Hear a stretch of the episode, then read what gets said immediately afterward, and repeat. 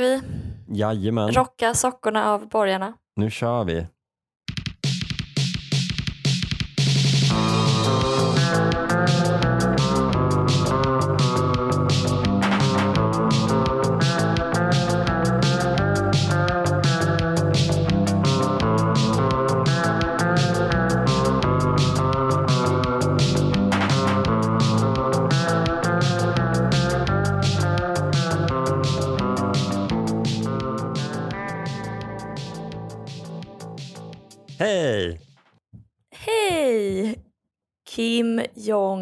Jong-Gull. Just det. Brukar du få höra det? Nej, däremot så nu när jag har bytt efternamn till Eklöv, som stavas med. F men uttalas med V, eh, så det är många som roar sig med att säga Eklöf Ja. för, för att liksom, haha, vara borgerligt. Eh, vilket är kul, för jag gjorde samma sak till min fru innan, jag, innan vi gifte oss och retade henne för Mm. hennes... Åh nej. Ja, och nu får jag ju tillbaka det liksom. Ja. Står ni och pekar på varann? Exakt, och det, det visade sig att det var inte alls kärlek, det var bara en vilja att get back. Liksom. Man har väntat i alla dessa år. ja. En tio år lång planerad hämnd. Hur eh, står det till i eh, Stugan. Kristerssons Sverige? Det är bra. Jag var på Stadsteatern i fredags Mm. och såg Seven Methods of Killing Kylie Jenner som var en eh, väldigt enkel pjäs. Jag tyckte det var kul för att den bröt mot någon slags, vad jag uppfattar som allmän tendens att eh, slänga in väldigt mycket handling och ha, ha väldigt handlingsdriven eh, berättande konst Mm. och inte så mycket formfokus. Den, det var bara två skådespelare, två Mm. roller, väldigt enkel scenografi och sen så var det i princip bara ljud och ljus. Komponenterna för syn och hörsel. Ja. det är sant. Det var en scenografi, All- det var skådespelare och så fanns det saker som mina sinnen kunde ta upp. Fem av fem. Handling hade det också. Ja. ja, det har du verkligen rätt i. Att allting har ju ljud och ljus. Sittplatser, många toaletter, ingen kö. För flera av Ellens teaterrecensioner lyssna på tusen saker. Vad har du gjort? Eh, nej, jag har eh, upprätthållit mina äktenskapliga plikter höll jag på att säga, men det, det låter ju bara som att vi har knullat. Eh, det har vi inte, vi har däremot eh, renoverat. Så jag har Ah. varit på återvinningscentralen, detta, Mm. detta min älsklingsplats. Ett typ av knull kanske. Panta flaskan. Döm inte min sexualitet innan du har provat den. Punkt 994. SEO och kunskapsbankerna. Nu jävlar Ellen, nu blir det data. mm. Känner du till Spänn fenomenet SEO? Nej. Search Engine Optimization. Ah, ja, ja, just det. Du utformar en hemsida för att den ska vara, om man ska grovt förenkla det, komma högt upp i sökresultaten på Google för populära sökord. Mm. Tidigare så gjorde man ju så att man anpassade sin hemsida eh, genom att till exempel skriva in ett sökord som var populärt, såg till att det nämndes på hemsidan eller såg till att den hade en massa länkkraft. Nu för tiden har vi ju också en, eh, en ny trend där hemsidor tas fram bara för att ranka högt på Google, alltså med det, med det enskilda syftet. Det är inte som det var tidigare, till Mhm. exempel du har en skomakare och så vill du att folk ska köpa dina tjänster och då skriver du ordet skomakare mycket på din hemsida eller Mm. läderreparation. eh.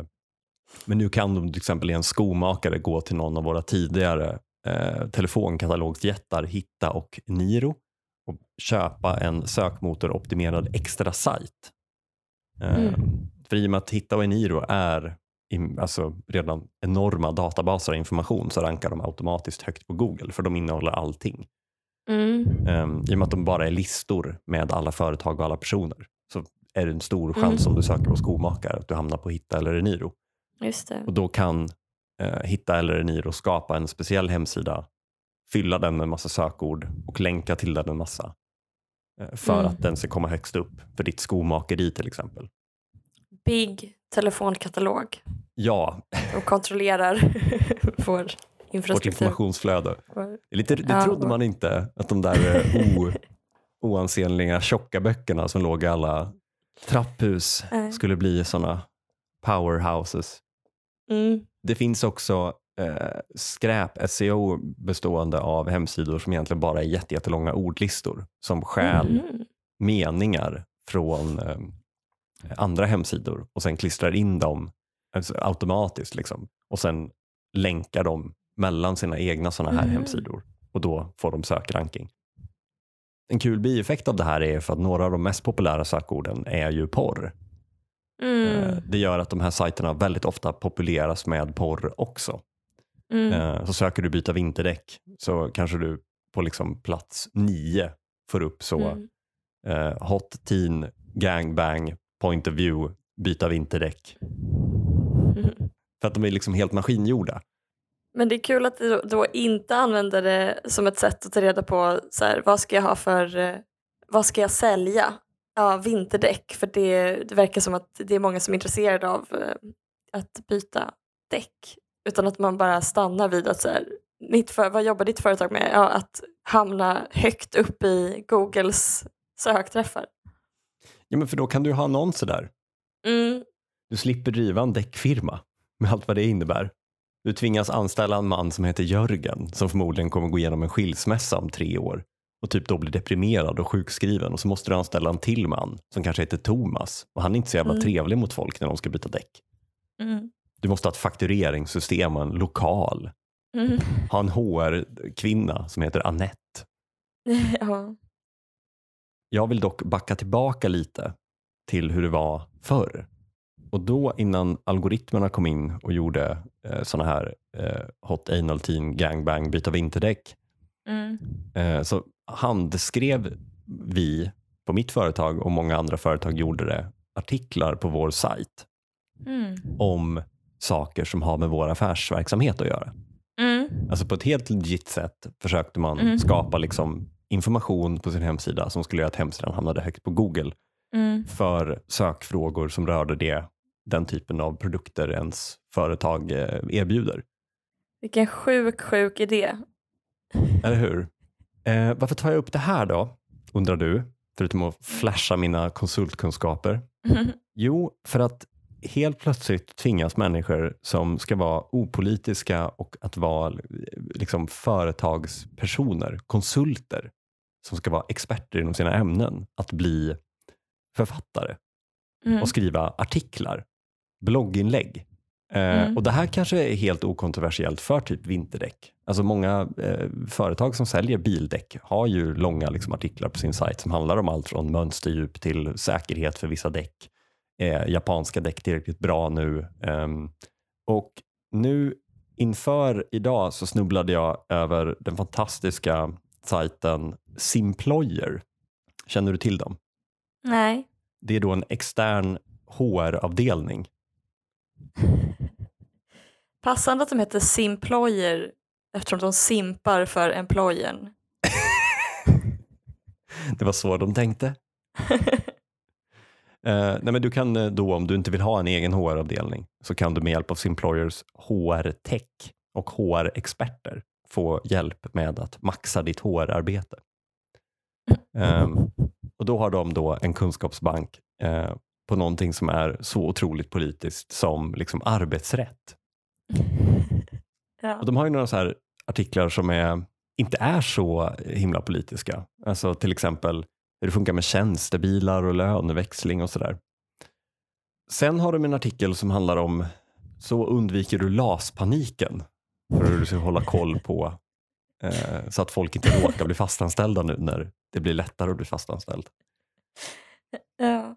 Men den artikeln jag har valt att zooma in på är um, artikeln “Inflationen stiger och utgifterna ökar. Är arbetsgivaren skyldig att kompensera, kompensera sina arbetstagare?” Mm. Då svarar Natalia Björkman, arbetsrätt och HR-expert eh, på Simployer att eh, så är det ju inte. Det finns ju ingen lag som säger att, att arbetsgivare måste kompensera en arbetstagare för ökade livskostnader och det tror jag alla vet, hoppas jag. Mm. Mm. Eh, jag hoppas verkligen att alla vet det. Det känns viktigt för mig att alla vet hur lönerna sätts på svensk arbetsmarknad. Eh, Den andra rubriken är, men det moraliska då? Har man någon moralisk skyldighet att ersätta? Och då börjar texten handla om Kant, Kants kategoriska im- imperativ. Det här är så jävla hög litterär nivå. Eh, och då börjar Natalia prata om att eh, det skulle man säkert kunna tycka med hänvisning till att företag och i synnerhet stora sådana ofta har omfattande tillgångar och är mindre utsatta för ekonomiska svajningar i enskilda individen. Det var ju spännande socialistiskt ändå.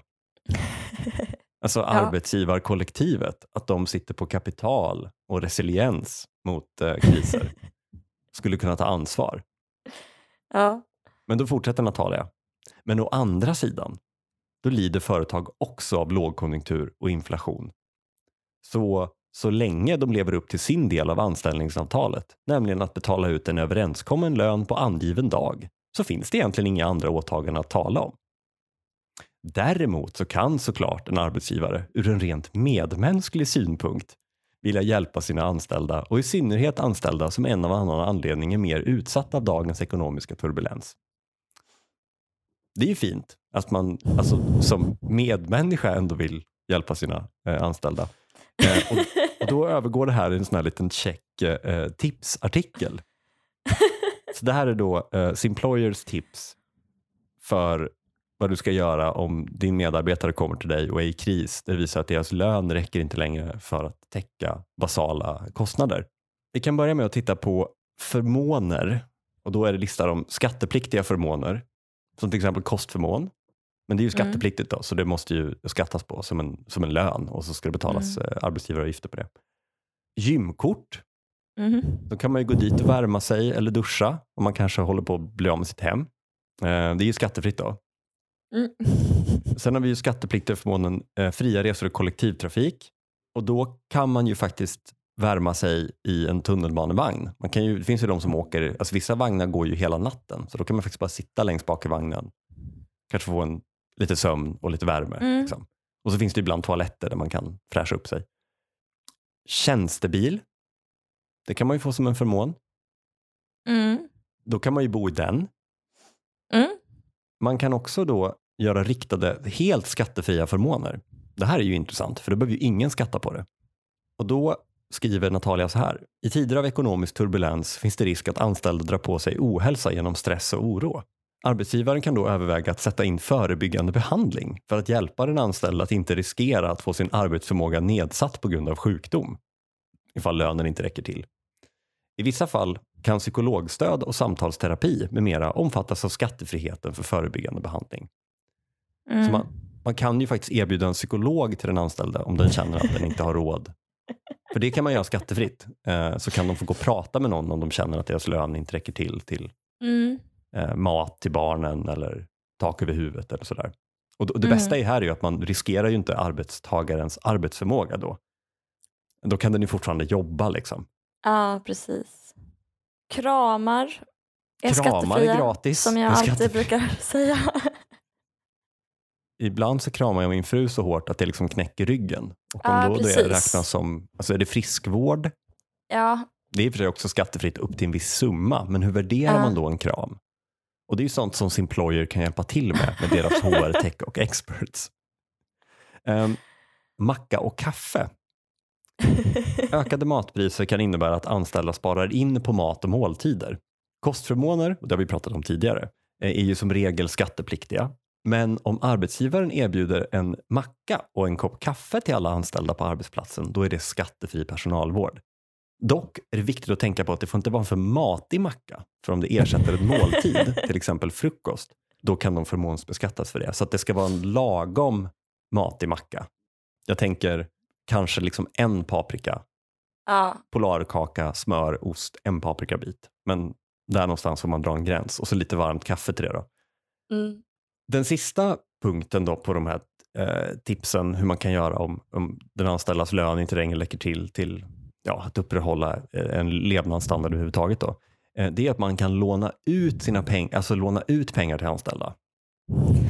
Och då så skriver hon då att det på nyheterna lyfts att privatpersoner bör ha en buffert på minst 50 000 kronor. Vissa säger till och med 80 000 kronor. Men alla har inte den möjligheten att spara ihop den summan eller ta av sitt befintliga kapital. Och i ett sådant fall då, då kan faktiskt arbetsgivaren hjälpa till om lönen inte räcker till att, att spara ihop en buffert för, för det oförutsäga.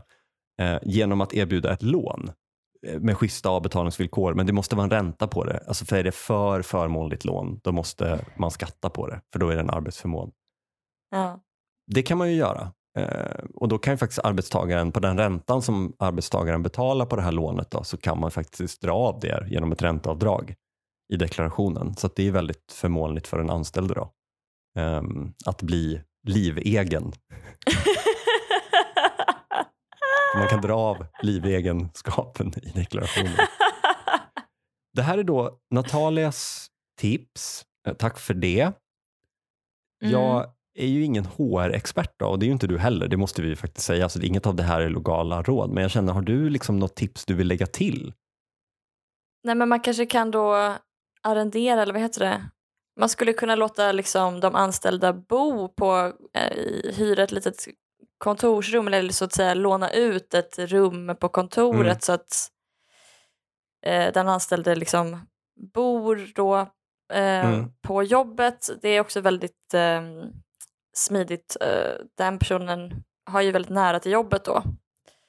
Eh, behöver inte pendla, man kan spara in Mm. lite på mm, resekostnader. Ja, intressant. Jag har ju ett, ett sista tips då. Mm. Jag tycker det, jag tycker det har legat framför ögonen eh, hela tiden egentligen som jag skulle vilja skicka med bara. Det är det här med gåvor. Man får nämligen ge en julgåva till den anställda Mm. på 500 kronor per år.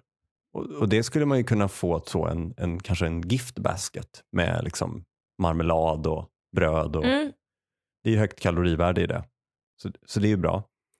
Sen så kan man också ge en gåva när, alltså när företaget firar 25, 50, 75 eller 100. Då kan man ge en gåva upp till 1500 kronor, eh, inklusive moms. Då. Minnesgåva när någon har, eh, fyller år, alltså fyller Mm. eller har jobbat visst antal år. Och Då är det faktiskt hela vägen upp till 15 000 kronor. Oj, Men det är ju inte så ofta då. Det är ju jul och när folk fyller år och företaget fyller år och sådär. Eh, Mm. Men då finns det en, en liten loophole och eh, det är att man kan ge, det verkar som att man kan ge pro, företagets profilprodukter eh, i princip eh, utan några begränsningar. Det finns såklart begränsningar Okej. men, men det verkar inte som Skatteverket bevakar det supertydligt. Så Mm. då kan man ju trycka upp då till exempel kanske nöd, musmattor. Ja, eller så en sovsäck, um, liggunderlag, ehm, kanske ett Just det. spritkök, Med stövlar. företagets logga. Ja, precis. En, Mm. en sån nödfilt man kan kura in sig i om det blir riktigt kallt. en, eh, kanske en, en kniv som man kan försvara sig för när man sover ute på nätterna. Ja, ja. Ja, nej, men så, det, så det saknade jag i den artikeln. Det, annars så tyckte jag allt, allt som företag kunde göra för att hjälpa anställda när lönen inte räcker till var, listades på ett föredömligt vis. ja. Tax employer. Tack, för, tax employer. Vår första sponsor. Punkt 318. Kan inte vi komma på riktiga argument emot SD? Ooh. Är bara, jag, jag tycker inte alla andras argument mot SD är B. Är på riktigt. Jag kan i och för sig, alltså så här, jag, ehm, är jag sjuk som kopplar allting till ekonomi? För det är väl typ det jag känner att jag tittar, jag tittar i, i um, uh, FIBI-avtalet höll jag på att säga. Täby- Täby-avtalet, Ti- Tidö, ja. Tidöavtalet. ja. Ehm, Jag tittar i Tidöavtalet och ehm, ser liksom en massa ekonomiska saker och en massa lagförändringar, alltså tuffare tag-grejer som är, skadligt liksom på gruppnivå. Um, Ja. Det stod ingenting om bostadspolitik till exempel. Och Det tror jag är, ett jätte, alltså det, det tror jag är liksom en av nyckelfrågorna när man pratar om segregationen och när man pratar om, om liksom de här utsatta grupperna. Och även det som Ja. benämns som alltså, rasismfrågan. Alltså att man, man, många av de här människorna stängs ju liksom in i områden som är kraftigt, för att låna ett miljöpartistiskt uttryck, eh, politiskt eftersatta. Liksom. Mm. Ehm, och Det är väl det jag mer ser som ett problem. Liksom. Alltså jag, jag är ju liksom i princip allergisk mot galtan. Ja. Men, men eh, nu, eh, jag går händelserna i förväg. Snälla. Ja, nej, men, nej, inte riktigt. För att eh, det, jag, du, jag tror att ehm, du är en sån person som argumenterar sakligt och ideologiskt emot SD. Eh, men eh, jag tror jag skrev punkten när det var lite ehm, mer en sån, vad ska man säga, att debatten kanske var mindre saklig och mer hade som utgångspunkt att eller man, man gjorde kanske antagan, antaganden som inte var så förklarande av på vilket sätt är rasism med den här politiken. Mm. Utan att man mer sa att så här, ja, men de har, vi vet att de har varit eh, nazister och de säger rasistiska saker. Vissa medlemmar uttrycker sig rasistiskt Mm. privat istället för att se på, på vilket sätt eh, politiken utgår från en rasistisk, eh, en, en massa rasistiska antaganden. Typ. Mm. Och eh, det, det har, jag tycker folk har haft lättare att argumentera emot eh, antifeminism när det kommer till SD. Mm. Det kommer alltid upp att så här, de är abortmotståndare Mm. och då är det bekvämt för att så här, det finns inte en enda människa som är emot abort i princip. Alltså det är så, då behöver man inte heller göra det här grundarbetet med att förklara vilka antaganden som ligger bakom vår nuvarande abortlagstiftning och varför man skulle Mm. kunna vara emot den. Mm. Jag har i alla fall eh, läst Tidöavtalet. Och du också Kul. sa du? Jag har väl som de flesta gjort ögnat igenom det och primärt typ letat efter jag letar efter bostadspolitik men hittar ingenting. Mm. Um, sen har jag läst en del om brott och straff. Eh, och, och läst den fantastiska klimatdelen som är liksom den första klimatpolitiken som bara är, det, vi har ingen klimatpolitik. Nej, det var verkligen bara kärnkraft. Det är något sånt härligt högertrollskt att ha rubriken klimat och sen så typ första punkten är sänkt dieselskatt. Alltså det bara känns så eh, gam, härligt gammelhöger. Verkligen. Håll inte på nu och böga Nej, med din töntiga lilla pruttbil. men jag, jag kan bara göra några, några väldigt korta nedslag i eh, förslagen. Mm. En sak som jag, som jag reagerade på som jag tyckte var kul var att eh, de vill ha en eh, insatsstyrka för socialtjänst. Ursäkta? Vad- det vad känns det? otroligt gulligt moderat att så här, ja men det är verkligen som du har sagt flera gånger att så här, hela valrörelsen eller hela splittringen är liksom i politiken är mellan bögar och heteros. Mm. Om man nu vill satsa på socialtjänst så då måste, det, då måste man liksom kalla det för en insatsstyrka.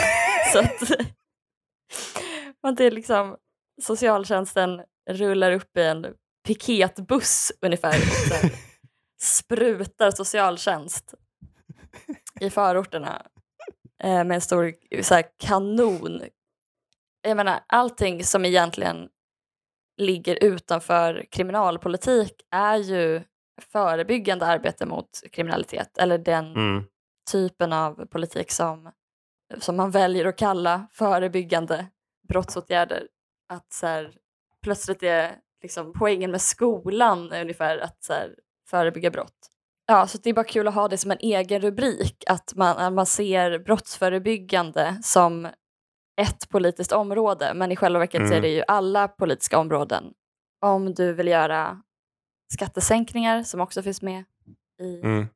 det här, så betyder det att, att eh, ja, de facto förmodligen kommer brottsligheten öka. Eller, alltså då har du ju skurit ner på hela den kakan, det vill säga som är hela budgeten, som är då brottsförebyggande. Om du förstår vad jag menar. Alltså jag Mm. menar, det är ju all politik är ju brottsförebyggande. Mm. Nej men eh, så det är kul att ha det som en, eh, som en rubrik.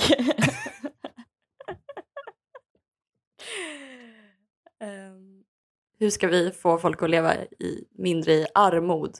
Då har vi en punkt här, ett förslag. Som är att du ska ha en social insatsstyrka. Vad ska den göra? Alltså, jag, jag, jag ser framför mig verkligen att den, den måste ha en piketbuss, blåljus, mm. såna här arméplåtar. Vad är de? De är eh, alltså, gula och svarta. Istället för en vanlig registreringsskylt så har de gula och svarta registreringsskyltar så man vet att det är en militärt fordon. Ja, Och då får de göra vad som helst. Liksom. ja, Att den så kommer dundrandes på en cykelväg i 120 och sladdar in utanför någon. Och så liksom secure the area, sparkar ner någon dörr. Springer in och bara, det ser ut som att du går åt helvete för dig i skolan. ja. Behöver du en extra lärare? Stopp i lagens namn. Hur mår ni här då? Här, ta en macka och lite kaffe. Och- en kram. Men bara en sån kram där man slår hårt i ryggen när man har kramats Ja. i en sån, mjukiskram. Det höll de här jävla sosse- sosse-sosstanterna på med. Men den här moderata sociala insatsstyrkan, de ger bara riktiga kramar. De pratar Ja. alltid så högt i militärkod. Ja. ja, det är riktigt kul. Och storma in. Vad mer har du i din best of? Ja, de vill ju införa kanon. En kulturkanon. Eller kulturkanon som Göran Greider säger för att den är laddad för att skjuta sönder kulturlivet. Ja, precis. Det är också kul att, man bara tror att det är så här, de här böckerna, de är kanon. Nej men jag tycker det, det vittnar liksom om, hela kanondiskussion tycker jag vittnar om eh, att det finns för få humanister i Sverige, eller det finns liksom ingen humanistisk tradition riktigt. Mm. F- för dels så tycker jag att det bara är väldigt liksom, kommer det här på provet? Stämning över att vilja ha en lista med verk som man då ska kunna plugga in ungefär som att så här, det är en, en del av ens eh, hygienrutin eller liksom, ja men eh, det här är de liksom övningarna du kan göra för att få starkare magmuskler och här är några böcker där du kan gnugga geniknölarna. Typ. Men är inte det bara för att de här människorna har varit på, alltså de har flyttat från Griseknohult till Stockholm och så har de gått på en middag och hamnat med en massa kulturella typer som har förtryckt dem. För att de har läst en massa böcker. Och så blir SD-personer och blivit så här, jag ska också läsa böcker. Och så vet de inte vilka de ska läsa för att bli häftiga. Så de bara, kan vi inte ha en lista då, som alla har läst? Ja, Och man kan liksom inte släppa det, så då, då, då måste man hitta på en lag. ja. Så då, då, om jag bara läser de här tio böckerna, då är jag okej. Då är jag okej. Då, är- då är jag lika bra som du är. ja, men verkligen som att kultur var en syssla eller liksom en speciell typ av eh, färdighet som man bara så här, ja men säg bara vad jag ska, så här, säg vad som kommer på provet Ja, ja men så, så, är det. pluggar jag på det liksom. Ja, men Det men- är self-care, alltså som i du, du ska göra tio reps på gymmet och läsa eh, Röda rummet. Ja, om man ser kultur som kanske meningen med livet eller hur människor eh, utforskar sanning på ett abstrakt sätt. Mm. Och eh, så ska man liksom göra det som en lista över så här, det här är de mest meningsfulla delarna av livet. Det här blir klasshatigt som fan, men, men det är lite tips bara som man slipper gå omvägen genom att liksom förändra lagen och Mm. lägga massa skattepengar på att någon ska bråka om det blir Astrid Lindgren eller, eller Ronja, eh, om det blir eh, Pippi eller Ronja Rövardotter som blir eh, Astrids eh, bidrag till eh, kanon. Om man går på universitetet då får man också en läslista. Precis. Kan Man kan man, också vara... skaffa så här Goodreads och boktipset och så. Ja, Alltså kanons innebörd är ju egentligen bara att det är någonting som alltid finns. mm, Men det är ett uttryck för att beskriva så här, vad är de mest sedda filmerna, vad är de mest sedda tavlorna, de mest kända böckerna. mm. Så att det är liksom ingenting man, man behöver uppfinna utan det finns alltid. Det har vi infört ja, men kanske tillsammans med eh, språket eller Mm. Det finns ju också, jag vet inte om högerpartierna också vet om att de öppnar en möjlighet för att den kommittén de sätter ihop för att tillverka kanon kommer trolla dem genom att bara göra en lista med så här spoken word och typ Tone Schunnesson böcker. Ja, men precis. Ja. ja, men verkligen. Det är också det är gulligt, eller jag ömmar för eh, de här eh, högerpartierna. Att de, för det man säger är bara att man är typ socialt inkompetent och bara, jag har inget att prata om. Hur ska jag kunna prata med människor? Ge mig en lista på liksom, hur jag deltar i samhället. Mm. Ett till förslag är ju också, har ju också gjort, fått, gjort vandel till en av Sveriges vanligaste googlingar. Just det. V- visste du vad vandel var? Jag har ju faktiskt kollat upp det innan av en annan anledning. Mm. Jag känner, att jag, behöver, jag känner att jag verkligen behöver ta åt mig jag visste vad vandel var innan det var coolt. Before it was cool. Vandelprövning används i Sverige redan eh, till, till en massa saker.